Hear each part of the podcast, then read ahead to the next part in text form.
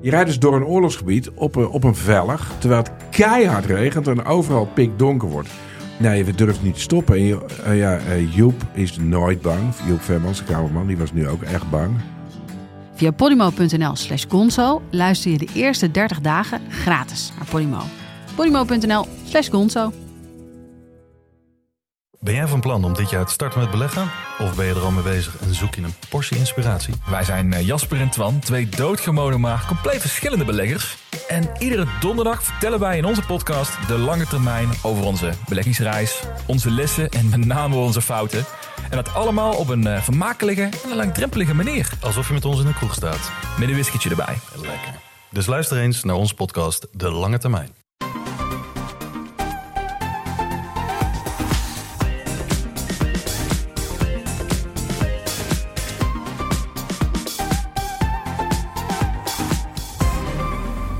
Welkom bij de Bright Podcast van woensdag 17 februari. We praten je weer bij over de trending topics in tech van deze week. Ik ben Harm en aangeschoven vandaag zijn Tony, Hoi, hoi. Floris Yo. en Rutger. Hallo. Ja, vandaag gaan we het hebben over Clubhouse, het hipste sociale platform van dit moment. Het sluimerde al een paar maanden, maar nu heeft ineens iedereen het erover. Eh, maar wat is het? Wat heb je eraan? Is het leuk en gaat het blijven? Dat gaan we bespreken met onze Rutger, want Rutger is eh, fan. Zeg ik dat goed, Rutger? Sowieso. Sowieso. Verder eh, hebben we het over password managers, de PlayStation 5 controller en iPhone geruchten. Clubhouse, eh, ja, sinds deze maand gaat het ineens veel over deze app. Dus gaan wij het er ook over hebben. Hij sluimert al wat langer, maar tot voor kort waren het dus vooral Amerikaanse techbeleggers en bekende namen die het over deze app hadden en hebben. Ja, nu staat hij ook Nederland, eh, in Nederland hoog in de, in de downloadlijstjes. Zo meer over hoe dat komt. Maar laten we eerst even beginnen met Clubhouse. Want eh, ja, ik denk Clubhouse, joh. Ik heb het nu ondertussen gebruikt, maar misschien toch even lekker om uit te leggen. Wat voor app is het eigenlijk, Floris? Het werkt eigenlijk vrij simpel. Het is een soort zelf radiootje spelen of het, eh, het hebben van een groepsgesprek met allemaal onbekende mensen. Het werkt vrij simpel. Je, je geeft jezelf op, eh, je wordt vriend met mensen, je moet aangeven wat je eh, interesses zijn. En dan zie je automatisch een beetje binnenlopen. Dit zijn nu eh, kamers waarin mensen gesprekken houden. Want Clubhouse draait om rooms, kamers met een onderwerp. En daar zitten mensen in en die praten over dat onderwerp. En je kan dan Ja. die kamer inlopen. Dat, weet je, zolang die kamer niet besloten is, kan je gewoon naar binnen lopen. En dan kan je beginnen met luisteren. En als je denkt van dit vind ik interessant of ik kan hierop aanvullen, dan kan je je handje omhoog steken, je digitale handje. En dan kunnen ze je bij wijze van spreken op, op het podium vragen. En dan kan je meebabbelen. En zo simpel Ja. is het eigenlijk in een notendop. Ja, eigenlijk wat we hier doen in de podcast, alleen dan zonder dat mensen kunnen in- inbreken. Ja, Hey, maar kleppen in kamertjes dus. Eh, dat is wel wat anders dan de visuele apps van de afgelopen jaren. Denk even aan eh, Instagram en TikTok. Ehm, ja, waar komt dan deze eh, omslag vandaan? Nou ja, ik denk dat eh, wat ook meespeelt is ehm, dat mensen toch steeds meer voorzichtiger worden met wat ze delen. Niet alles openbaar de wereld ingooien. Dat zie je natuurlijk bij, bij andere social media ook. Of juist wel, bij TikTok is dat natuurlijk eh, het geval. Maar bij, bij Clubhouse is het toch iets meer op een kleiner groepje gericht. Dus ehm, ja, het, het is ook live audio. Het is, het, is, het is dan weg. Je kan het niet terugluisteren en terug eh, kijken. Is natuurlijk iets wat ja, we heel erg gewend zijn op internet. Ja. Elke livestream is terug te kijken bijna. Dan ben je niet meer gewend dat het gewoon... Ja, het is, het is live, het is weg. Ja, natuurlijk kunnen mensen het op hun telefoon eh, gaan opnemen. Dat, dat, Dat kan, mag niet, hè, Tony? Dat officieel mag, dat niet, hè, Rutger? En, eh, weet je, het, het is dus uiteindelijk iets wat vluchtiger is dan andere Ja. platforms. Ja. Hey, maar hoe leuk is dat? Want ja, als je dus, je hebt dus in Clubhouse verschillende kamers, clubs, houses, kamer, rooms. Rooms. Waar, waar- rooms. Waar, waar heb je het over in die rooms? Nou, dat verschilt natuurlijk nogal. Ik moet zeggen, mijn leukste ervaringen tot nog toe op Clubhouse... dat je gewoon binnen komt lopen in een room. Nou ja, lopen, je komt binnenklikken... en daar is iemand die totaal niet weet hoe het werkt... en die aan het praten is tegen zijn moeder... en eh, dat je zegt, hey, hallo, ik kan je ook horen... en dat hij langzaam begint te begrijpen. Zegt, oh, ik kan deze kamer ook openzetten voor iedereen. En wat gebeurt er dan als ik dat doe? En dan doen ze dat en dan komen er opeens de meest gekke mensen komen erbij... Ja. En voor je het weet heb je gewoon een leuk gesprek. En in die zin ehm, zijn er een heleboel verschillende ervaringen mogelijk eigenlijk binnen Clubhouse. Dus het kan zijn dat je gewoon met je vrienden kletst. En eh, je kunt dus ook zeggen, ehm, ik heb een social gesprek. Dat is niet helemaal open, maar iedereen in jouw lijstje vrienden mag daar dan bij komen, maar mensen van buiten niet. Eh, dus dat, dat voelt een beetje meer alsof je op een feestje van eh, vage kennissen komt, zeg maar. Eh, je hebt ook totaal open gesprekken. Dat kan alle kanten op. En je kunt gewoon zeggen: Ik wil met deze vier mensen nu even een room delen. En verder mag er niemand bij. Dat kan ook. Eh, maar het is gewoon heel grappig nu om mensen die nieuw zijn dat kwartje te zien vallen. Dat ze opeens begrijpen wat het eigenlijk is. Maar ik moet zeggen dat ik echt super toffe gesprekken al heb gehad. Waarbij er dan eh, zomaar een hoogleraar neurowetenschappen binnenkomt lopen. En vertelt eh, wat dit doet met de do- dopamine in ons brein. Het gebruik van deze app. Nou ja, dat heb je normaal in de kroeg natuurlijk niet. Dus vind ik echt super leuk. Ja. En dat komt door het effect van eh, dat vrienden van vrienden. Dat, is dus, Ja. dat, zijn geen, dat zijn vaak geen openbare dingen, maar die, die, die worden voorgesteld door de app, omdat mensen nu eenmaal een hele hoop contact aan het toevoegen zijn. Nou ja, of dat je bijvoorbeeld denkt: oh, deze gast, daar heb ik al heel vaak een artikeltje van gelezen ergens. En die zit nu in een room. Ik duik er even bij in om te kijken wat hij te vertellen heeft. En misschien kan ik meegaan in dat eh, gesprek. En ehm, het wordt nu wel een beetje gekaapt door mensen eh, die, Ilko de Boer, die eh, zichzelf enorm aan het pluggen zijn, non-stop. En cursussen, online marketing, jezelf branden. Hoe investeer ik in onroerend goed?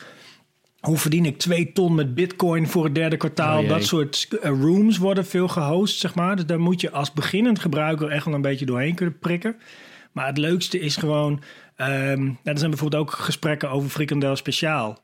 En daar haak je dan gewoon bij aan. Dan kijk je of dit leuk is. En is het niet leuk, dan ga je de volgende keer naar de kaassoufflé, zeg maar. Dus eh, dat is het leuke, vind ik, aan deze app. Maar zoek jij dan op, on- je zoekt niet op onderwerpen, je krijgt dingen voorgesteld, hè? Nou, ik heb dus eerst wel gezegd van deze dingen vind ik interessant. Maar eigenlijk niks wat daarvan voorgesteld wordt, is, heeft tot nu toe een leuke ervaring Nee, opgeleverd. apart, hè? Ja. Dus ik kijk veel meer naar mensen. En dan kijk je gewoon Ja. in je lijstje van wie zijn er allemaal online en in wat voor rooms zitten die.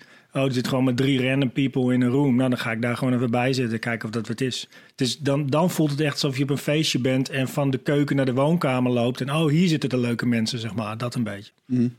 Ja. Maar hoe, hoe lang denk je dat dat... Nou ja, nee, dat is, dat is misschien voor later. Maar hoe, eh, hoe, hoe vind je dan je weg in die app? Want je kunt je dus eh, je interesses aangeven. Ehm, ja, hoe, hoe, hoe, hoe kom je dan juist die pareltjes tegen, die toffe dingen? Ja, dat is net als in het echt volgens mij. Dat je gewoon leuke mensen moet kennen. Dat, of of moet ontdekken daar, zeg maar. Er zijn echt mensen die ik totaal niet kende. Eh, iemand die een festival in Groningen organiseert. En die het heeft over dat ze, als het gesprek niet leuk meer is... dat ze dan naar de wc loopt en doorspoelt... om een soort subtiel eh eh, gebaartje te doen. En, en dat soort mensen denken, oh, als ik die nog een keer tegenkom, dan wil ik wel nog een keer mee kletsen. Dat vind ik leuk, Ja. zeg maar. Dus daar moet je gewoon een beetje naar op zoek. Dus in die zin is het denk ik als gebruikservaring het meest alsof je op een feestje bent waar je maar twee vage kennissen hebt. En op zoek Ja. gaat naar waar zit een leuk gesprek. Maar is dat ook niet dan een beetje intimiderend? Als in, Nee, want je kunt gewoon ook snoepen. Hè? Je kan gewoon, zeg maar, als luisteraar in zo'n room. En ze, kijk, als er drie mensen zijn, dan wordt dat snel een beetje awkward natuurlijk. Eh, Zo zat ik dus in een gesprek deze week waarbij iemand binnenkwam. En die vertelde heel snel dat ze elke ochtend drie dingen bedacht waar ze dankbaar voor was. En dan moet je dus, zeg maar, niet gniffelen. Maar omdat het alleen audio is, mag je wel een raar gezicht trekken. Zonder iemand te beledigen. Nou ja, Ja. dat is natuurlijk te gek.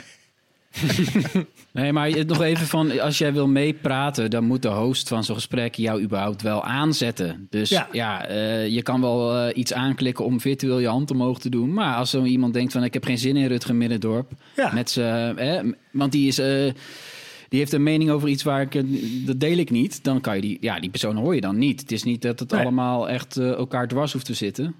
Nee, maar daarom is het ook niet zo zuur als Twitter bijvoorbeeld al snel wordt. Twitter wordt Ja, heel nee. snel een... Ik heb deze mening, nou, ik heb nog een veel toffere mening. En hier merk je dat gewoon de basisbiologie van mensen... op het moment dat ze met elkaar spreken... zoeken ze altijd een manier om het met elkaar eens te worden. Om eh, toenadering te vinden, minimaal. En dat merk je in zo'n audio-app gewoon wel. En dat maakt het Ja, wat mij ja, betreft wel echt leuker qua sfeer... dan dat Twitter bijvoorbeeld is. Ja, Twitter en Facebook lokken allebei een beetje uit om, om iets te tikken en dan op, op enter te drukken en met je armen over elkaar te gaan zitten. Zo, Ja, zo. exact. Dat heb ik eens even mooi gezegd. En, en ja, Ja. weet je, in het echt is dat inderdaad niet zo. Je hebt, je hebt in het café en, en, en in, de, in de kantine en zo heb je toch minder snel nou ja, woorden dan, dan dat je online hebt. En dit gaat daar wel Ja. weer een beetje naar terug natuurlijk. En maar Rutger, jij hebt deze week eh, voor Bright ook een Clubhouse gesprek gehost. Zeker. Wat, want ik, daar was ik ook bij. Voordat ik ga zeggen wat ik ervan vind, was ik wel benieuwd wat jij er zelf van vond. Nou, ik, ik, vond, eh, ik vond het een leuk gesprek. En wat ik heel tof vond, was dat dus mensen zoals eh Maarten Steinboeg, hoogleraar van de TU Eindhoven, die bel ik niet elke dag. Die heb ik deze week drie keer gesproken, waaronder in dat gesprek. Eh, dat wordt super laagdrempelig gemaakt. En die man die weet heel veel. Was eh Maarten Hagman was erbij, Jeroen Horlings. Ook mensen die veel weten van elektrische auto's. En je kunt dus heel makkelijk met een paar mensen een avondje plannen... om te zeggen, nou, we gaan even een half uurtje over kletsen met wat mensen. Het is Ja. gewoon zo opgezet. Dus dat is er heel tof aan.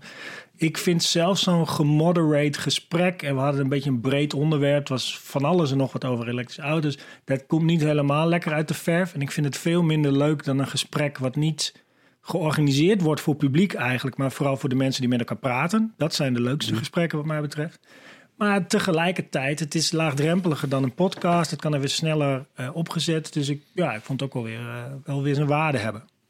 Ja, Ik, ik vond juist heel leuk dat, dat je, ja, zoals die eh, Maarten Steinboeg, dat, je, dat ik had echt wel het gevoel dat hij gewoon wat vrijer kon spreken of zo. Ja, ja, je? ja. je hebt wel eens, als wij, als wij een interview hebben met zo'n, met zo'n man die gewoon ontzettend veel weet, echt een, eh, eh, ja, een wandelend. eh, je, je hebt honderdduizend dingen die je hem wil vragen. Ja. En daar, dan praat, praat hij gewoon lekker vrij uit, ook al wordt zijn eigen auto. En ja, Ja. ik vond dat echt superleuk. Wat ik ook heel tof vond, ehm, dat in één keer, en dan ben ik heel even zijn naam kwijt. Ik, hoop niet dat hij luistert en me dit niet vergeeft. Maar ehm, die gozer van, van Lightyear, van die zonneauto's. ja. Die, Oh, ja. die, die ook in één keer zei van ja, nou, ik, heb, ik, ik vind hier ook wel wat van. Vond Ja. ik super leuk. En ik, ik geloof dat ik hem ook wel eens een keer gesproken heb toen Lightyear gelanceerd werd. Of, of in ieder geval de auto voor het eerst getoond werd. Ja, ik vond het heel leuk om dan juist zo'n gast ook wat vrijer ook weer te horen. En ja, ik, weet- ik Terwijl vond het dus ik wel vond het echt openbaar was. Het was een openbaar gesprek. Het was ja, niet, eh, klopt. Maar het aardige is natuurlijk dat mensen daar niet zijn. Er, is, er zijn geen business accounts. Je kunt niet als Lightyear in zo'n gesprek komen. Je kunt alleen maar als Henk, de marketeer van, kun je daar komen. Nou, wacht maar. eh, binnen, binnen no time eh, zakelijke accounts en verkopen ze premium pakketten. Noem het allemaal maar op. Hey, maar ehm, eh, het was natuurlijk niet, zo, niet zonder reden dat, dat, dat jij dit hebt gedaan, eh, Rutger. Maar als we nou kijken naar... ehm, waar komt nou die populariteit van Clubhuis... Clubhuis? Clubhouse ineens vandaan? Heeft dat te maken met, met corona? Nou, het, het begon een beetje met, eh, weet je, er zitten al een half jaar lang hoor je dingen over bekendheden die eh, Clubhouse gebruiken. Eh, Drake en Oprah Winfrey en Kevin Hart, die had al een soort van controverse. Die had dan weer wat gezegd in een Clubhouse wat mensen hadden gehoord. en dan weer op Twitter hadden gezegd van, nou, Mies horen. Nou ja, dat soort dingen hoorde je wel, maar toen sluimerde het nog een beetje en het ontplofte. Eh, die app begin februari, want toen ging Elon Musk, eh, die had een interview, die gaf een interview in Clubhouse. Dat gebeurt wel vaker dat als Elon Musk ergens zich mee bemoeit, dat, dat ineens eh, iedereen ermee te maken wil hebben. Dat weet hij ook. Nou ja, en, en de, de rest is ges- geschiedenis. De, de, de, de room was te klein voor al het publiek wat wilde luisteren. Iedereen ging ineens op zoek naar invites en de app groeide enorm. En die groei die zet nu door. Ja, en ik denk het bestaat natuurlijk sinds voor de zomer vorig jaar, geloof ik, is het gelanceerd. April 2020 Ja. is de... Ja.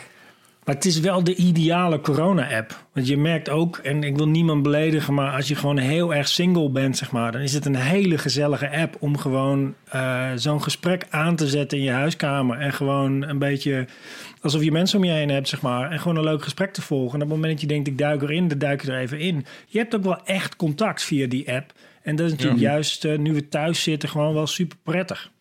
Ja, ik zag ook wel veel mensen die het gebruiken om echt te netwerken. Ondernemers zijn natuurlijk Ja. heel veel eh, ZZP'ers, freelance ondernemers. Die hebben het eh, aan de ene kant ook echt moeilijk. Die hebben dat nodig, dat netwerken. En ja, dat kan je wel proberen via één op één LinkedIn berichtjes en zo. Dat gebeurt ook massaal, moet ik zeggen. Maar, maar dit is natuurlijk eigenlijk wel een klein beetje vervanging voor een netwerkborrel ook. Sommige van die clubhouse groepen. Ja, Clubs, ja, en ja, misschien tref ik gewoon ja. hele sympathieke mensen. Maar ik zat met iemand te kletsen die net nieuw was. En er kwamen wat mensen bij. En toen kwam de manager van de foodhal in Rotterdam erbij. Dus toen vroeg iemand, joh, wat doe jij eigenlijk? En zei, ik verveel me gewoon helemaal de pleuris. dus die had gewoon random op een gesprek geklikt. En gewoon gezellig, ik duik er even bij. Dat is echt heel tof. Maar denk je, dat, denk je niet dat dit eh, verdwijnt? Want zeg maar, pareltjes eh, eh, tegen het lijf lopen... eh, heeft natuurlijk ook een beetje te maken met... iedereen gaat een beetje proberen. Het heeft iets nieuws. Eh, ben je niet bang dat juist dit, dat toffe, dat dat eraf gaat... als de nieuwigheid er ook af is? Ja, ik, ik denk het wel een beetje hoor. De leukste gesprekken die ik nu heb gehad zijn eigenlijk wel allemaal met ehm, figuren die, die nog niet helemaal weten hoe het werkt, zeg maar. En die in al hun naïviteit gewoon ook alles durven te zeggen, omdat ze nog niet helemaal snappen wat de impact is, zeg maar. Dat zijn de leukste. En dat zal inderdaad een beetje verdwijnen. En wat je volgens mij ook bij elk social media ehm, of social medium, media medium, ik weet niet hoe je dit zegt, eh, hebt, is dat er op een gegeven moment een, een club is die dit soort van het meest perfect bijpast, die het ook gewoon een beetje, een beetje claimt voor zichzelf en die het van zichzelf maakt. De, de Twitterati, zeg maar. En eh, Ja, ja, ja. Dat ga je Ja, hier vast ook krijgen. Ik merk dat nu wel een beetje. Dat mensen zie je dan... dan ik, ik zit meer op Twitter dan op Clubhouse. En ik zie op Twitter voorbij komen dat mensen zeggen... ik heb mijn avond al volgepland met Clubhouses. En het wordt al een beetje... Ja, weet je, dat begint nu al vorm te krijgen. Het- titels, doorlopende shows. Het, ja, weet je, het begint alweer een beetje de vorm te krijgen van een live podcast... waarbij je toevallig vragen kan stellen. Maar toch al, weet je, georganiseerd. Mensen die een goede microfoon gebruiken. Eh, Ja. mensen die een, die een lijstje maken van dingen die ze afwerken. Het worden echt seminars die je gaat volgen. En dat is ook wel tof, maar inderdaad, dat lossen eh, raakt dan wel weer ondergesneeuwd. Ja, maar we gaan nu nog best goed hoor, voor vandaag. Vier uur. Wat zou je met 1000 euro doen om Groningen leuker te maken? Half acht. Alle cinefielen verzamelen. Oh, En dat zijn titels. Ik was aan het denken, Ja. oh, wat moet ik met Groningen? Maar ja, En nee, ik kan iets leuks bedenken voor Oh, Groningen. ik Tony. bedenk wat, Dat ik bedenk wat. Kun je best een keer doen. Ja, 4000 dingen. En om 20 over 8 de Airfryer Coaching Sessie 101. Nou, Oh, daar, daar, vind ik wel, ik- daar ben ik In benieuwd naar. audio, dat wil, je juist in, dat wil ik juist in een livestream op YouTube eh, zien eigenlijk. Maar goed. Maar Ja, ik de- moet zeggen, eh, de, de laag- laagdrempeligheid van, eh, van audio... het hoeft ook niet perfect te klinken nu op Clubhouse nog. Nee. Dat hoeft helemaal niet, want het is gewoon alsof je een telefoongesprek hebt. Dat is juist ook de kracht van, van die app. Dus als, het zou wel erg jammer zijn als het weer heel erg gaat professionaliseren. En Ja. Maar eh, Rutger, jij zegt net... Clubhouse is misschien wel juist door corona... eh, dat is een beetje wat je zegt, toch? Dat ze juist door corona wel echt wat wat tractie hebben kunnen krijgen. Ga, gaan ze het ook overleven als, als we allemaal onze spuitje in ons klauw hebben gehad... en we gewoon weer lekker naar buiten kunnen? Ja, ik weet, ik weet het niet. Ik, ik bedoel, Twitter klinkt ook als een super stom idee hè, in het begin. En nog steeds. ja, precies. Dat is ook gewoon huge. Dus ja, pff, ik denk het niet. Ik, ik, ik denk dat het blijft bestaan en het zal, zijn, het zal zijn uiteindelijke vorm nog moeten vinden. En het kan heel goed zijn dat het dan een plek is waar alleen maar over eh, geld verdienen wordt eh, gesproken en over jezelf marketen, zeg maar. Dat kan. En ik kan me ook voorstellen als je met echte mensen in real life kan afspreken dat je gewoon de behoefte niet meer hebt aan zo'n app. Dat zou ook zo kunnen zijn. Maar ik, ja, ik durf het nog niet echt te zeggen. Het is, het is echt, het is- ja. ja. het is echt zo lastig om, eh, om nu te gaan voorspellen of dat bedrijf over twee jaar nog bestaat of überhaupt nog succesvol is. We hebben natuurlijk meerdere van die nieuwe live platforms gehad de afgelopen jaren. Ken je nog meer Cat en Periscope? Ja, livestreamen zou groot worden. Ja, nou ja, goed. Ja. Eh, en zelfs op YouTube vind ik die livestreams niet een heel denderend succes. De ervaring als kijker niet, maar als maker ook niet. Het is, eh, ja, dus het is maar de vraag of dit niet gewoon uiteindelijk een klein onderdeel wordt van de grote partijen zoals Facebook en Twitter. Want het, in feite is het een heel simpel concept natuurlijk. Een live Ja. audio room. Met contact, mensen die je kent, wel of niet openbaar. Ja, het is heel simpel na te maken. En ja, dat wordt dus ook al gedaan volgens geruchten door, door Facebook. Die zijn daar heel goed in natuurlijk, in het nabouwen. Eh, Twitter was, eh, moet ik zeggen, Twitter is er zelf al veel langer mee bezig. Onder de naam Spaces. Met iets soortgelijks. Ik heb dat zelf nog niet gebruikt, jullie wel? Ik hoor het nu Nee. voor het eerst, Tony. Het, is, het is nog besloten volgens mij. Ja, maar kijk, ja, dat wordt al getest. Ehm, en ja, ik zelf denk dat ja, zoiets als Clubhouse eh, ook wel eens vrij snel kan worden overgenomen door een van de andere partijen. Eh, ik, ik vind het zelf wel een aardige match met Microsoft, want die hebben natuurlijk LinkedIn. En Oh ja. ja, en ja, toch is, het, is die club, clubjes op Clubhouse rond bepaalde thema's van mensen die in hetzelfde vakgebied zitten, daar, daar is echt een goede Eigenlijk wat ze bij LinkedIn willen. Eigenlijk Ja. willen ze dat daar natuurlijk, maar dat lukt nooit. Ja. ja. Ja, en daarom weet je, als ik een beetje advocaat van de duivel mag spelen. Ik vind het ook voor heel veel dingen. Ik vind het inderdaad vooral geschikt voor zulke soort dingen zoals seminars en zo. Het zijn eigenlijk dingen waarbij je zelf nou, bijna arrogant genoeg moet zijn om te zeggen van ik ga je praten en mensen komen wel luisteren. Ja. Weet je, dat, het, het heeft toch iets, eh, dat, en dat heb ik ook altijd, van de- dat ik meteen bij heel veel van die dingen denk. Wie, wie ben jij wel dat je denkt dat ik nu live alles wegleg om naar jou te komen luisteren? Dat, weet je, dat doe je voor Jeroen deze Pauw of zo. podcast ook, Floris. Nee, maar- Ja, maar die, bij deze podcast kan je pauzeren of doorspoelen als je denkt van nou, weet je, heb je Floris weer, die gaat weer een, een, halve minuut uitweiden. Nou, dan druk ik op skip.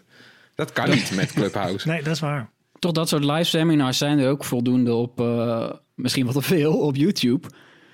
En van die live Q&A's. En ik kijk er zelf ook niet naar, moet ik zeggen.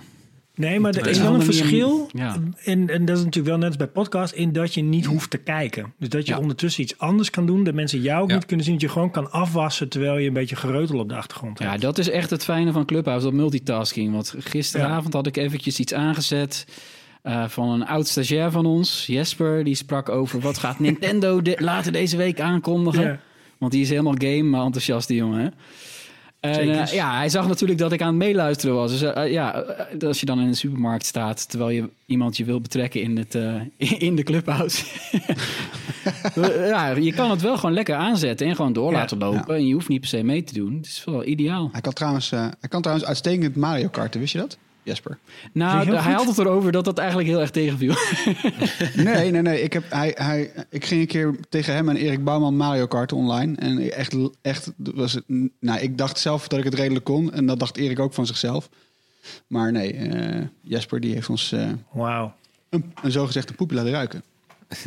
maar anyway, ehm, wat wel grappig is, een New York Times die had eh, pff, nou ja, eh, een, x aantal maanden geleden een, eh, een leuk artikel. Waarin ze een beetje van, joh, ieder sociaal platform heeft wel ehm, wat gebruikers die zeg maar specifiek door dat platform in één keer influencers zijn geworden. Hè? Bij YouTube, je hebt met Vine, TikTok heeft natuurlijk ontzettend veel influencers voortgebracht die nou, nou gewoon echt grote sterren zijn geworden. geworden. Ik ben wel benieuwd wat dat gaat, ehm, hoe dat gaat gebeuren bij Clubhouse. Of we dan straks over een half jaar zeggen, nou, eh, die ene gast eh, die eh, toen op dinsdagavond zoiets met auto's deed, die Rutger, god, maar iedereen heeft er nu de hele tijd over. Ja, maar toch, dat zou toch leuk zijn? Nou ja, ik ben heel benieuwd of Dat of, zou- dat of zou super zijn, gebeuren. Toch? Ja, ik weet Ja. het niet. Ik heb het gevoel, ook in de app, zeg maar, dat eh, het te veel gefragmenteerd is. Dus wat YouTube bijvoorbeeld natuurlijk doet, is laten zien van dit zijn de meest succesvolle binnen dit genre. En dan heb je nog steeds wel allemaal genres, maar hij laat wel zien van dit. hij- ze, eigenlijk maken ze degene die populair zijn nog populairder. Dat is een beetje hoe de meeste algoritmes werken. En tot nog ja. toe zie ik dat niet echt terug ehm, in deze app. En, en het zijn gewoon hele uiteenlopende dingen die je tegenkomt. En denk ook dat iedereen een beetje in zijn eigen clubhouse-bubbel terechtkomt. Met zijn eigen influencers, als je begrijpt wat ik bedoel. Maar eigenlijk zeg je dus dat eh, het platform zich er misschien niet zo goed voor leent om op dezelfde manier echt één ster uit te lichten. Of op, op zo'n manier eh, iets groots voor te brengen Nee, op dit dat- moment. Dat denk ik niet. En eh, volgens mij vinden mensen elkaar nu een beetje die elkaar al een klein beetje kennen. Dus in die zin versterkt het wat sociale banden, vermoed ik. Maar ehm, ja, in die zin lijkt het misschien nog wel meer op Facebook. Daar zijn natuurlijk ook niet echt influencers uit voortgekomen, toch?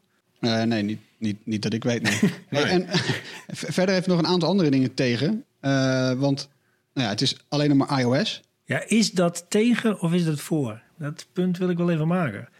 Oeh. Ik kom alleen maar leuke mensen tegen. Hè? Is- Is er misschien een, een eh, oorzakelijk verband? Ik weet het niet. Eh, Je Mag hebt ik geluk dat we de, Nou. de meerderheid van de luisteraars van deze podcast uit onze statistieken ook eh, Apple-gebruiker is. Kleine meerderheid, fanboys. maar... Fanboy, maar nee, dit is, ik vind eigenlijk nergens op slaan waarom het niet voor Android is. Sorry hoor. Dit is echt heel nee, het is wel bizar. gek, hè? Als En ze het hoort ook zo gewoon een- via het web te werken. Ik heb echt een hekel aan, aan, die, aan dat binnen apps vastgesloten zitten. En het is, he- het is helemaal in strijd met alles wat ik eigenlijk vind over hoe het internet moet werken. Maar goed. Zo. Ja, zo, zo gaat het wel. Hè? Het is eigenlijk niemand kijkt er meer van op. Als er een nieuwe app is, is die vaak iOS only. Het is Ja, gewoon zo. Het en- blijft, het blijft de beste proeftuin kennelijk. Ander dingetje is natuurlijk dat, dat het invite-only is nog steeds. Blijft dat ook zo? Dat weet ik eigenlijk niet. Nou, volgens mij ging dat gewoon om de snelheid waarmee ze op kunnen schalen. Dus Ja. dat Ah, ze ja. eh, enigszins controle willen houden over hoeveel gebruikers er per dag bij komen. Dus dat zal zo Ja. zijn totdat er weer een enorme sloot geld die kant op gaat en ze een serverpark ergens neer kunnen plempen. En ook eh, ze bedacht hebben hoe ze hier geld aan gaan verdienen, want dat is me ook nog niet helemaal duidelijk. Ja, ik zie ze ook fluctueren. Hè? Want toen ik net erbij kwam, had je, kreeg je twee invites en die waren dan op. En nu heb ik nog zes invites openstaan. Ja, En dat waren, er, dat waren er van de week nog vier. Dus je krijgt er wel steeds bij. Hmm. Hey, en eh, er zijn ook nog wel een aantal dingen die bloedirritant zijn. Namelijk de notificaties die je krijgt. Zo. Toch? Ik heb dat echt direct uitgezet. Maar echt direct. Ja, Na een uur. Van, ja, sorry hoor, dat is niet aan mij. Een app die mij zoveel notificaties stuurt. Ja, Zijn dat eh, de growth hacks? overduidelijk. Ja, Ja. Je, weet, je weet gewoon, eh, dit, het zijn de trucjes. Je moet gewoon je, je, een beetje, je, ja, je- met mate het liefst, maar je moet een beetje jengelen. Hopen dat mensen happen. En als ze inderdaad een leuke ervaring hebben, dan laat het misschien wel aanstaan. Maar ja, als ik drie keer denk, terwijl ik iets anders aan het doen ben van, eh, weet je, dan komen ze weer zeuren van, eh, die en die is een, eh, een room begonnen met hierover. En dan denk ik van, ja, boeien. Dan zet ik het uit. Ja. nee, het is grappig. hè? Er zit ook helemaal geen ranking in. Er is geen vind ik leuk knop, geen duim omhoog, eh, Nee. geen abonneren op deze show zit erin. Het is alles die niets, zin- ja. Kunnen ze ook niet pushen van dit is iets wat jouw vrienden leuk vinden of zoiets. Het is gewoon, Ja. eh, je vrienden doen dit, klaar. Ja, ja. En, en dan zijn er nog de... de eh, eh, want je moet ook je halve adresboek, geloof ik, eh, uploaden om... eh, Je hele adresboek ja. zelfs, Harm. nou, maar leg even uit hoe dat zit. Nou ja, Ja, ik- gewoon. je moet dus inderdaad aangeven van eh, eh, geef toegang tot mijn adresboek. Vervolgens trekt hij volgens mij al je telefoonnummers eruit, eh, is het denk ik. En dat is gewoon in strijd met Europese wetgeving. Dus zoals het de app nu in elkaar zit, mag die eigenlijk in Europa helemaal niet eh, geëxploiteerd worden. Je kan het Is weigeren. dat- is ik heb het geweigerd bij, bij het installeren. Maar ja, je weet is allemaal voor jou, ja. dat je daar heel snel op oké drukt. En dan is het te laat, hè? Ik, ik, ik, ik, ik betwijfel inderdaad of ze hier lang mee weg gaan komen. Zijn er al, zijn er al eh, organisaties, Consumentenbond, ehm, Bits of Freedom-achtige partijen... Die, die iets hebben, aanklagers hebben ingediend of niet? Ik heb het nog niet meegekregen. Ik heb alleen maar een paar hele niet, boze nee. Android-gebruikers gezien die zeggen: deze app mag niet. Nou ja, Ja, weet je wat ja. het weer is? Het is toch weer een start-up uit Silicon Valley in Ja. Amerika. Dus eigenlijk, daar gaan we weer. Eigenlijk alle problemen die we hebben ge- gezien bij, eh, bij Facebook en, en Twitter... die gaan we ook weer zien eh, bij Clubhouse. En eh, zeker op het gebied van privacy zal het al- allemaal weer... Waarschijnlijk gaan ze alle, alle fouten gewoon weer herhalen. Het zit een beetje in de cultuur daar op de een of andere manier, hè? Ja, en naast privacy heb je natuurlijk ook te maken met eh, het modereren van alle content. Eh, ja, dat gaat nu nog goed, omdat het een klein groepje early adopters, enthousiaste mensen. Eh, maar ja, ik vraag me af wat er gebeurt als de complotdenkers en, en, en allerlei andere gekkies zich melden bij deze app. Ja. Eh, valt nu nog wel mee volgens mij, Rutger. Echt opmerkelijk eigenlijk. Dat is iOS only, hè? dus daar zitten gewoon die wappies. nee, er valt Nou ja. nu inderdaad reuze mee, maar ik denk dat het nu ook wel heel erg de early adopter en de in-crowd is. En eh, via via uitgenodigd worden. Dat zorgt natuurlijk ook voor dat je een vrij homogene groep gebruikers hebt. Eh, maar inderdaad, je kunt je voorstellen dat ze op een gegeven moment moeten modereren. Aan de andere kant kun je natuurlijk ook zeggen van ja, een telefoongesprek wordt ook niet gemodereerd. Een groepstelefoongesprek, een Microsoft Teams vergadering wordt ook niet gemodereerd. Dus hoezo zou dat hier wel moeten? Hey, eh, om even eh, het verhaal rond te maken. Ehm, ik hou van voorspellingen doen. Ehm, en ik voorspel...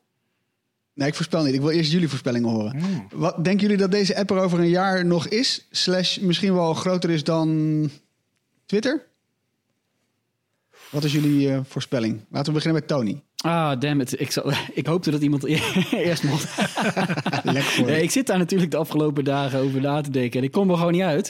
Ik kom er eigenlijk niet helemaal uit. Maar ik denk, ik denk wel dat het echt een kleinere niche zal zijn dan, eh, dan zeg maar alles wat we nu al hebben. Het is een soort één uniek iets om daar een heel netwerk omheen te bouwen. Het zal ontzettend knap zijn als dat er is. Maar het kan wel, hè. We hebben aan Discord gezien. Dat is in feite een ouderwetse chatkanaal. eh, dat ze toch een eigen doelgroep hebben, met name gamers daar. Maar dat is voldoende. Hè? Als je één, één type mens en één functie hebt, daar moet je op kunnen overleven. En als het alleen maar voor mensen die met hetzelfde werk willen netwerken, zou ik het ook al heel tof vinden als het blijft bestaan. Dus ik hoop, ik hoop dat dat eigenlijk behouden blijft. En het hoeft niet per se mainstream te worden, wat mij betreft. Ja, top. Rutger. Ja, ik denk eh, Clubhouse over een jaar failliet. Omdat er een soort eh, rare gast blijkt in de boord te zitten of zo, zoiets.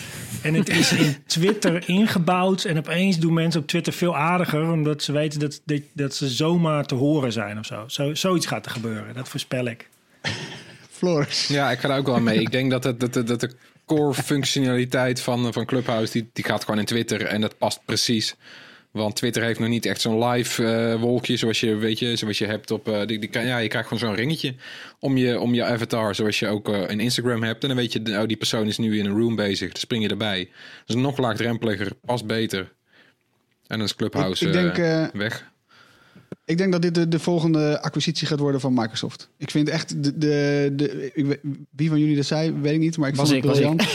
Ah, top. Dat vond ik echt briljant. Dus mijn voorspelling is volgend jaar is het onderdeel van Microsoft en zit het bij LinkedIn ingebouwd. En, ga- en gaat het dan zeg maar kapot? Want dat gebeurt ook met dingen die Dan gaat Microsoft... het, ja. Nou, op Minecraft ja. na. Nou, kijk, ja, LinkedIn hebben ze redelijk intact gelaten en, en is enorm gegroeid het afgelopen jaar, bleek uit de cijfers. Maar als, eh, als Microsoft Teams gaat koppelen aan Clubhouse, dan gaat het mis, denk ik.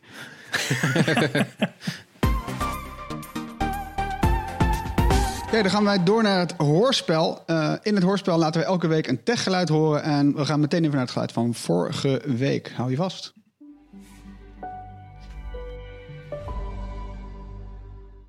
Ja, het bleek niet zo moeilijk, toch, eh, Floris? Nee. nee, dat was het, eh, het openingsgeluid van, of ja, het begingeluid van Amazon Prime Video. Als je zo'n original start daar. En het Ja. is een hoop mensen, waaronder Ron Moore. Dus eh, gefeliciteerd Ron, dat eh Pride T-shirt komt jouw kant op. Mooi. Gefeliciteerd, man. Ehm, ja, we hebben een nieuw geluid. Ik ben benieuwd of die ook geraden gaat worden. Komt-ie. Ja, bij afwezigheid van Erwin Ja, nog een keer. doen we het wel? Ja, nog een keer. Oké, komt ie. Nou, als je denkt dat je weet wat het is, dan kun je je antwoord weer sturen naar podcast.bright.nl. En als iemand het goed heeft, dan gaan we dat shirt gewoon eh, die kant op sturen. En zijn er meerdere mensen, dan gaan we weer loten. En dat doet nota- notaris Floris doet het helemaal zelf. Hey. Dus dat is top. Hey Harm, als extra prijs Ja? deze week, wat denk je? Hebben we extra prijs? We hebben een extra prijs deze week. Wat denk je dat het is? Een Clubhouse invite. Precies. Nou, top. Die Clubhouse invite. Maar dan moet iemand dus wel zijn nummer delen. Dat is nog een nadeel, hè? Heb je wel eens mensen geprobeerd te inviten? Moet je dus iemand toevoegen aan je adresboek. Ja. En dan pas kun je iemand inviten. Dat vind ik heel onhandig. Nou, Ja. Kort nieuws. We hebben slecht nieuws voor gratis gebruikers van de wachtwoorddienst LastPass. Want die kunnen binnenkort de dienst niet meer gratis op eh, zowel mobiele apparaten als computers gebruiken. Je moet dan dus eigenlijk kiezen voor één apparaat waarin je, eh, waarop je je LastPass-account wil gebruiken. Dus of je mobiele device of computers. Ehm, of, en dat is natuurlijk wat ze hopen, upgraden naar een betaald abonnement. En dan eh, kost dat je zo'n 2,90 euro per maand. Dus ongeveer hetzelfde als bij de grote concurrent LastPass. Ja, ehm, ik, ik snap dat het misschien een beetje onhandig is voor mensen.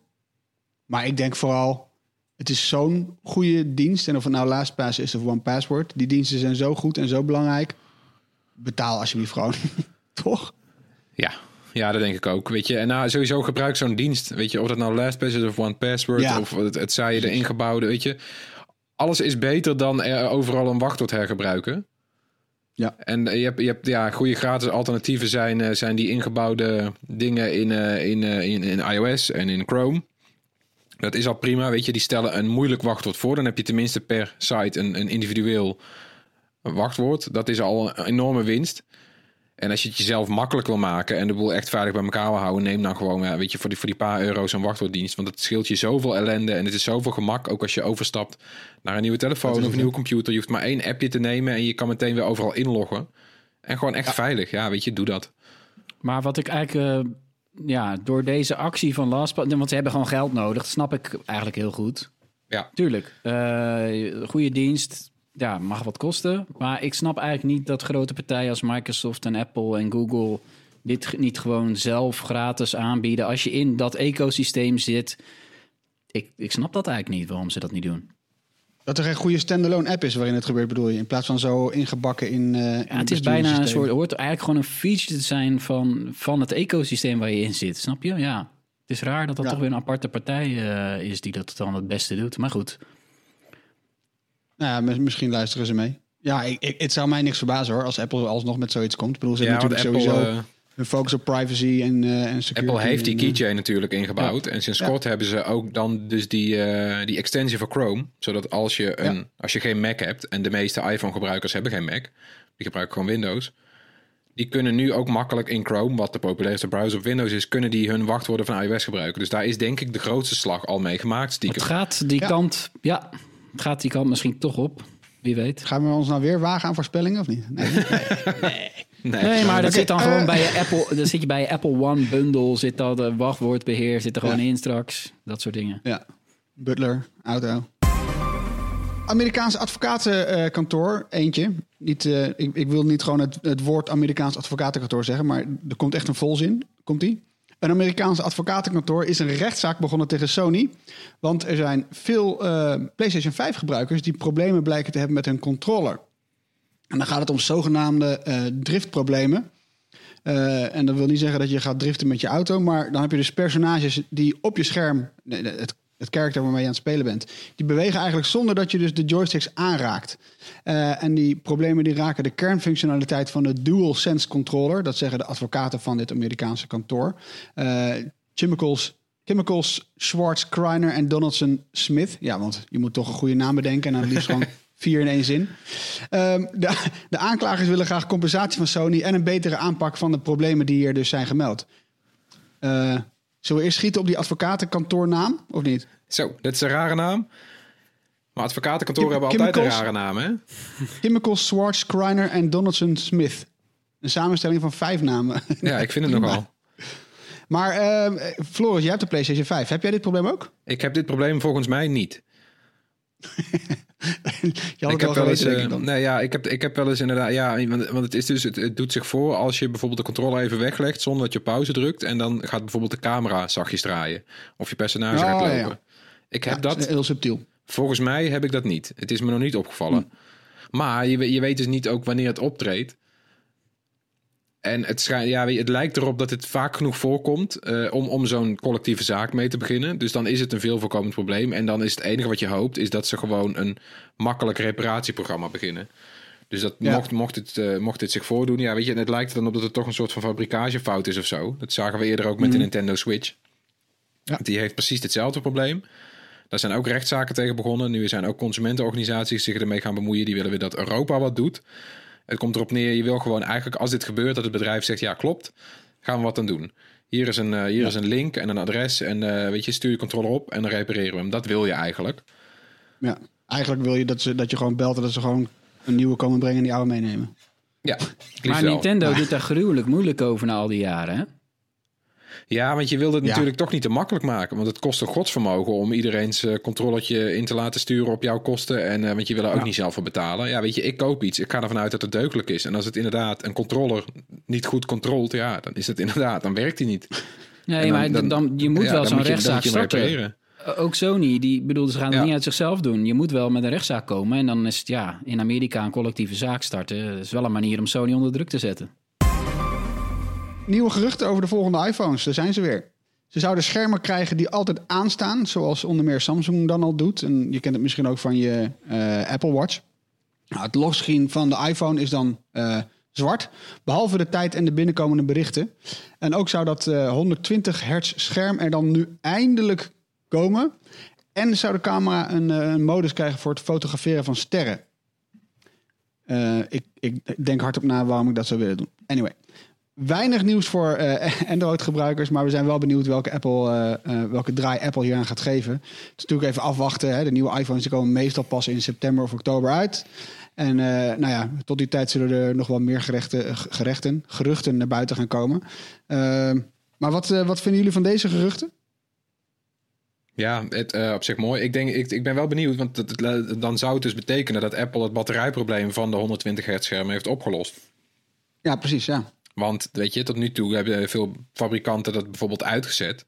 Samsung, de Mhm. grote concurrent, die heeft het dit jaar pas standaard aangezet. En heeft daarmee gekozen voor een lagere resolutie op die S21 toestellen. Omdat het, nou ja, Mhm. weet je, het kost gewoon eh, meer batterijduur. Op sommige toestellen kan je zelf zien hoeveel meer. En het loopt echt in de tientallen procenten als je dat gewoon aan hebt staan de hele dag. Ik denk dat Apple, eh, weet je, eh, op de Apple Watch zit het al. Op de Apple Watch zit het op een slimme manier, het always on. En dat doen ze door, de, Ja. Her- ja, door, de, door het aantal hertz terug te schroeven naar één. Dus het, het ververst één keer per seconde in plaats van 60. Dat scheelt een hoop batterij. Ik denk dat ze op de iPhone een, een, dat- een, ja, een soort gelijke technologie gaan doen. Samsung heeft Ja, ook al kunt er- zoiets. Precies. Ja, Pak precies. hem Ja, op en dan gaat hij omhoog. ja, gewoon ja, het, het scherm geeft het aantal hertz wat logisch is voor de toepassing. Dus als jij een, eh, een, een e-book leest, dan kan hij ook op 1 hertz. Want dat, is het, ja, dat leest ook nog lekkerder. Als je de interface gebruikt van 20 hertz, een filmpje gaat hij terug naar 60 of 30 of hoe- nou ja. Wat meer gebruik dan toch niet. Weet je wat eh, mij opviel, Harm? Eh, wij hebben het inderdaad als, als topfeature voor die volgende iPhone over dat 120 hertz scherm en always on display, dus de, de schermtechnologie. Maar eh, de grote Apple site eh 9 to 5 Mac, die hield deze week een poll. Naar welke, volgens de geruchten, nieuwe feature van de iPhone 13 kijk jij het meest uit? En wat denk je dat nummer 1 stond? Niet het scherm, maar wat wel? Eh, een, een groot, nee, eh, een bet, nee, betere camera. Betere camera. Nee. Floris? Grotere batterij? Nee, ook niet. Ja, dat zijn op zich hele goede, dat zijn hele goede punten inderdaad. Nee, ze willen Touch eh, ID in het scherm. Ah, hou op. Touch ID terugbrengen. Ja, dat staat aan kop met 24% van eh, de stemmen. En er Ik zijn helemaal 12.000 12 12.000 stemmen binnengekomen. Dus eh, hè, nummer 2 staat Dat- wel dat 120 hertz scherm. Maar. Touch ID is dan toch nog wel geliefd. Het enige, het, ja, het enige waar ik het voor mis is met die mondkapjes. Maar daar komt volgende week al Ja. een update van. Ja, En 3D Touch, staat die er nog tussen? Zo, Nee. Die zou ik ook wel weer terug willen. nee. 3D Touch mis ik. Ja, echt hè? Ik mis dat Zo, ik ontzettend. ben echt blij dat je... Ja, ik staat er, er het staat er niet superhandig. tussen. ik vind... eh, eh, Ik wil gewoon, als ik harder druk, wil ik dat er iets gebeurt. Niet als ik, als ik hem lang ingedrukt hou, gewoon als ik hard druk. Ja, ik zet nu heel vaak ook, omdat vroeger kon je dan op je lockscreen kon je dan op het knopje drukken en dan ging die zaklamp aan. En het Ja. zit er nu nog op, maar dat, dat, dat raak ik dus heel vaak heb ik gewoon die, die, die telefoon aan het hoekje vast. En dan gaat die Ja, zaklamp aan. En dan lijkt, ja, dan lijkt het toch een soort smak met zo'n zaklamp die door zijn broek schijnt. Ja. Ja. Oh nee, maar ik ben tech-redacteur. Hm. Ja, ja oh, loopt Nee. hoor. Ja, heb je hem. Nee, het viel mij, het Hey. viel, het viel mij, het viel mij gewoon op, weet je wel, Touch ID. Ja, ik, ben het zelf, ik heb zelf nog een iPhone 8 en ik zou het eigenlijk fantastisch vinden als dat gewoon blijft, hoor. Toch wel. Maar Hey, ja, nog eventjes. Eh Ja. De camerafeatures stonden wel op 4 en 5 en dan op 6 de poortloze iPhone. Ja, Raar, ja, hè? ja, Er zijn toch mensen die het Ja. willen. Nu al. En- en- maar dan... Maar, maar die modus voor het fotograferen van sterren staat er niet op, hè? Ja, die stond, die stond dan op 5, ja. Astrophotography. Ah, op. Ah, Floris zit daar meer in dan ik. Ik weet eigenlijk helemaal niet wat dat wat, Ja, dat vooral de maan, hè. Dus dan wil je eigenlijk ook een beetje zoom. Je hebt, je hebt mensen die hele mooie foto's van de maan maken met een Galaxy. Maar ik heb wel het idee, het is een gimmick, toch? Ja. Ja. Hoe vaak, hoe vaak Ja, komt dat nou voor? Nachtmodus is tof. weer met... Apple gaat dan weer met zo'n heel gelikt filmpje komen. En wat prima is. Met zo'n heel gelikt filmpje komen. Dus dan zien we iemand. eh, Ja, ik eh, ga de maan fotograferen in de sterren. En die zie je dan ergens eh, in, in de Rocky Mountains. Waar inderdaad helemaal geen licht is van lantaarnpalen. Waar je inderdaad de sterren helemaal mooi kunt fotograferen. Prima. Maar 90% van de mensen die zo'n ding gebruikt. woont gewoon in een stad waar te veel licht is. En je de sterren toch al amper Wij wonen, op de slechtste, wij wonen op de slechtste plek ter wereld om de sterren te bekijken. Hè? Ja, Ja, ah, nou, weet je, een het zou pas echt een innovatie zijn. al die kassen. Ja, als je in het Westland nog sterren kan fotograferen, dan hebben ze echt wat voor elkaar met, de met het software hoor. De afsluiting, de tips dan. Rutger, jouw tip. Yes. ehm, ik weet, wie van jullie gebruikt eh, Apple TV Plus? Is er iemand die dat nog heeft? Yes. Want ik, ik heb Ja, ik het, maar ik gebruik het niet. koop ik een nieuwe iPad en dan krijg ik er weer een jaar bij, zeg maar. Zo werkt het ongeveer. Ja, op Apple TV begin je natuurlijk met The Morning Show en Ted Lasso. Dat vond ik echt de leukste televisie van het afgelopen jaar. Maar nu heb ik eh, de serie Trying ontdekt. Dat gaat over een jong Engels stel dat een kind wil eh, adopteren. En dat... eh, eh, nou ja, gaat met de nodige moeilijkheden natuurlijk. De man wil niet echt volwassen worden. De vrouw wil veel te graag. Eh, de familie eh, ze bestaat uit allemaal dysfunctionele types. Dus ontzettend leuke tv-serie om te kijken. Trying. Oké, Floris, wat, wat heb jij mee? Ik heb een, eh, een game weer mee. Het zal dus niet. Het is eh, Super Mario 3D World plus Bowser Fury voor de Nintendo Ja. Switch. En ja, dat is wel echt de moeite waard. Het is, eh, het is een, een heruitgave van een Wii U game. Super Mario 3D World kwam daar al uit. Eh, Ja, de Wii U, mensen gespeeld. ja, de Wii U had bijna niemand, dus niemand heeft hem gespeeld. Maar hij werd wel eh, heel goed beoordeeld. En terecht, want ik speel hem nu en het is gewoon een hele leuke... Nou ja, inderdaad, een soort van 2D Mario, maar dan 3D. Dus het zijn eh, wel een kleine level steeds per stuk. Je, je loopt over zo'n kaart en dan spring je een level in, net als vroeger. En dan speel je gewoon zo'n leveltje. En dat kan je ook met z'n, met z'n, tot met vier mensen doen lokaal. En dat werkt hartstikke leuk. Je kan er met z'n allen gewoon een poppetje en Mario en Luigi samen door het level stuiteren. En je hebt allemaal van die pakjes met een kattenpakje. En dat weet je wel, die ouderwetse dat je van die vuurballetjes gooit. En een boomerang. het is heel classic. En dan omdat Nintendo zoiets had van, nou, we kunnen niet gewoon een game opnieuw uitbrengen. Wat prima had gekund. Maar ze hebben er toch een iets nieuws bij gedaan. Dus Bowser's Fury. Het is een, eh, een, een korte Mario game. Met voor het eerst echt een hele open wereld. Dus we kennen al de open werelden van Mario Odyssey en Mario Sunshine, et cetera. Maar dit, zijn, eh, dit is echt gewoon een heel open level. eh, wat je stukje bij beetje eh, steeds open speelt, vrij speelt. Allemaal eilanden. Dan ga je naartoe. Alles draait om katten. En in het midden van het, van, het, van het level een groot meer. Er zit, zit een enorme soort van Godzilla-achtige Bowser. En dan moet je dan tegen vechten. En het, nou het werkt hartstikke leuk. Het werd hartstikke soepel. Ja, benieuwd wat ze hier verder mee gaan doen. Hoe duur is hij? Volgens mij gewoon 59 euro, net als eh, de meeste Switch games. Ik ben blij dat je deze tip hebt gegeven. Want ik, nou ja, ik, ik vertel jou niks nieuws. Maar de luisteraar weet natuurlijk niet dat ik jouw app eh, op een vrije avond van moet ik deze game nou kopen of niet. Ja. maar oké. Ja, en toen had ik voor jou nog een extra tip. Namelijk, koop als je toch meer Switch games koopt, overweeg zo'n zo'n Nintendo voucher. Dan kan, je, dan kan je voor 100 euro kan je een, een voucher kopen bij Nintendo. En dan kan je twee van die games mee kopen die normaal dus 60 euro per stuk kosten. Dus betaal, ja, dan bespaar je 20 euro. Ja, en toen, maar ik ben benieuwd of, of hier wat op volgt. Toen zei ik ook tegen jou, ja, maar dan moet ik eerst even kijken of er ook andere games uit gaan komen de komende tijd die de moeite waard zijn om te kopen. Want anders dan zit je nog, alsnog met zo'n voucher. Ja, Weet jij dat? Of er nog wat andere dingen aan zitten te komen? ja niet uit mijn hoofd, maar ze het blijft een jaar lang geldig, zo'n voucher. Ah ja, en je hebt natuurlijk eh, morgen dan die eh, Nintendo Direct waarin ze nieuwe dingen gaan bekendmaken. Ja, dus dat, eh, dat wordt boeiend. Goeie tip. Oké, dan mijn tip. Mijn tip is Wired, dat, het, het, het techblad. En Ze hebben deze maand een editie die eigenlijk helemaal in het teken staat van een boek dat, moet, dat nog moet uitkomen. En normaal gesproken is een blad als Wired staat natuurlijk gewoon vol met nieuws en, en, en langere artikelen. En dat hebben ze dit keer niet gedaan. Dit keer is gewoon echt heel Wired. Eh, eh, hoeveel pagina's is het dit keer? 88 pagina's. En het zijn gewoon 88 pagina's. Alleen maar eh, een, een deel uit een, van een boek dat nog uit moet komen. En dat doen ze omdat ze vinden dat ze moeten waarschuwen voor wat er kan gebeuren als de toch al wat gammele relatie tussen China en de VS nog veel verder gaat verslechteren en nog veel verder en veel verder en veel verder, tot er een wereldoorlog uitbreekt. Nou, ehm, deze editie heet dan ook A History of the Next World War. En, en ja, ze, het is dus een deel uit het boek. Dat boek ligt 9 maart in de winkel. Eh, en het gaat dus echt over, ja, wat, wat gaat er nou gebeuren als er nu eh, de volgende, ja, of hoe de volgende wereldoorlog uit zou kunnen breken. Eh, heel vet geschreven. Ik ben echt nog nooit zo snel door zo'n editie heen gegaan.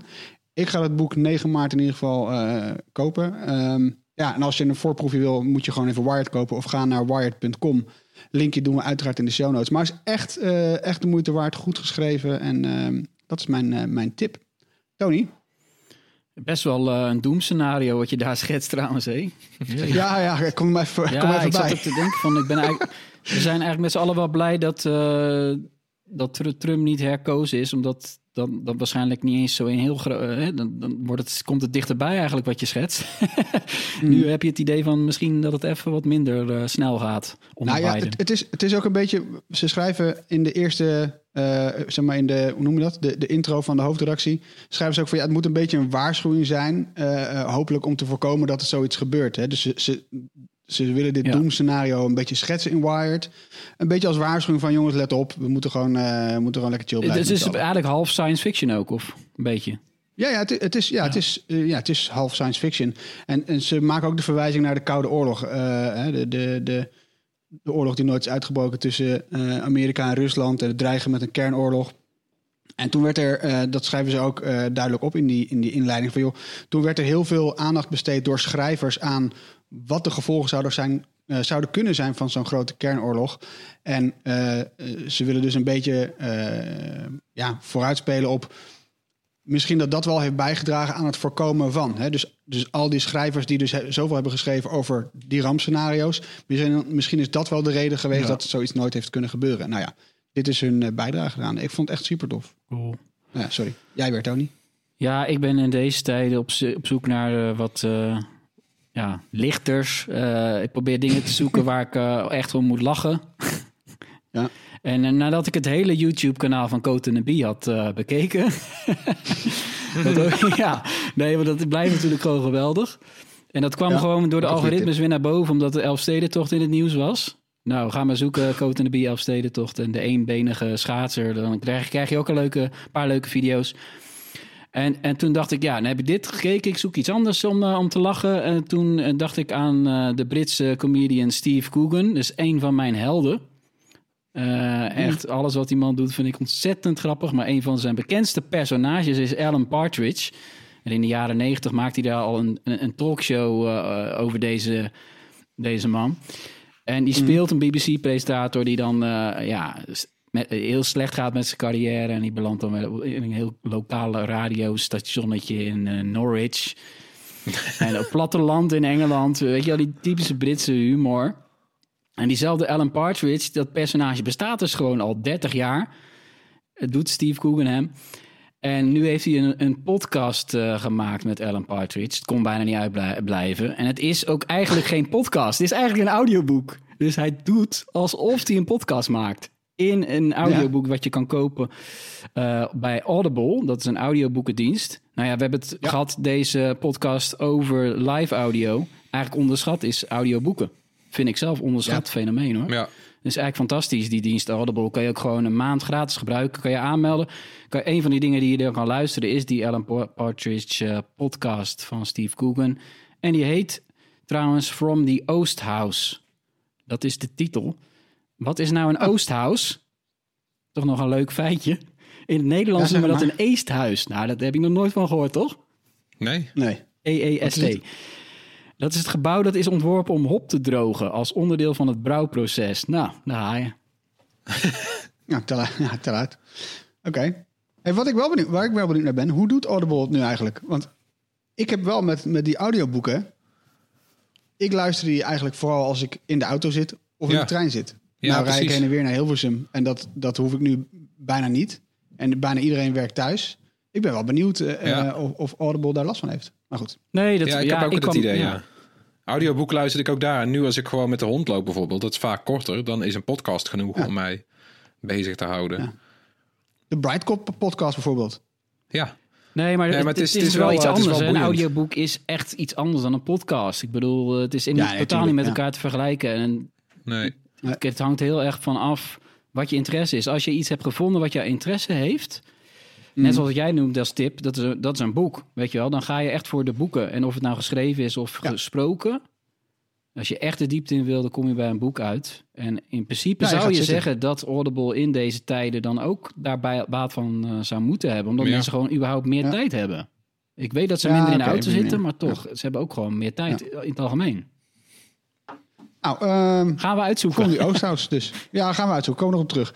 Eh, dat was hem weer voor deze week. Bedankt we natuurlijk weer voor het luisteren. Eh, laat gerust iets van je horen. Tips kun je droppen bij, eh, bij ons eh, door te mailen naar podcast.bright.nl. Je kunt het natuurlijk ook opzoeken op YouTube, Facebook, Instagram, TikTok en Discord. Eh, en dan hoef ik eigenlijk alleen maar te zeggen tot volgende week. Yo. Doei.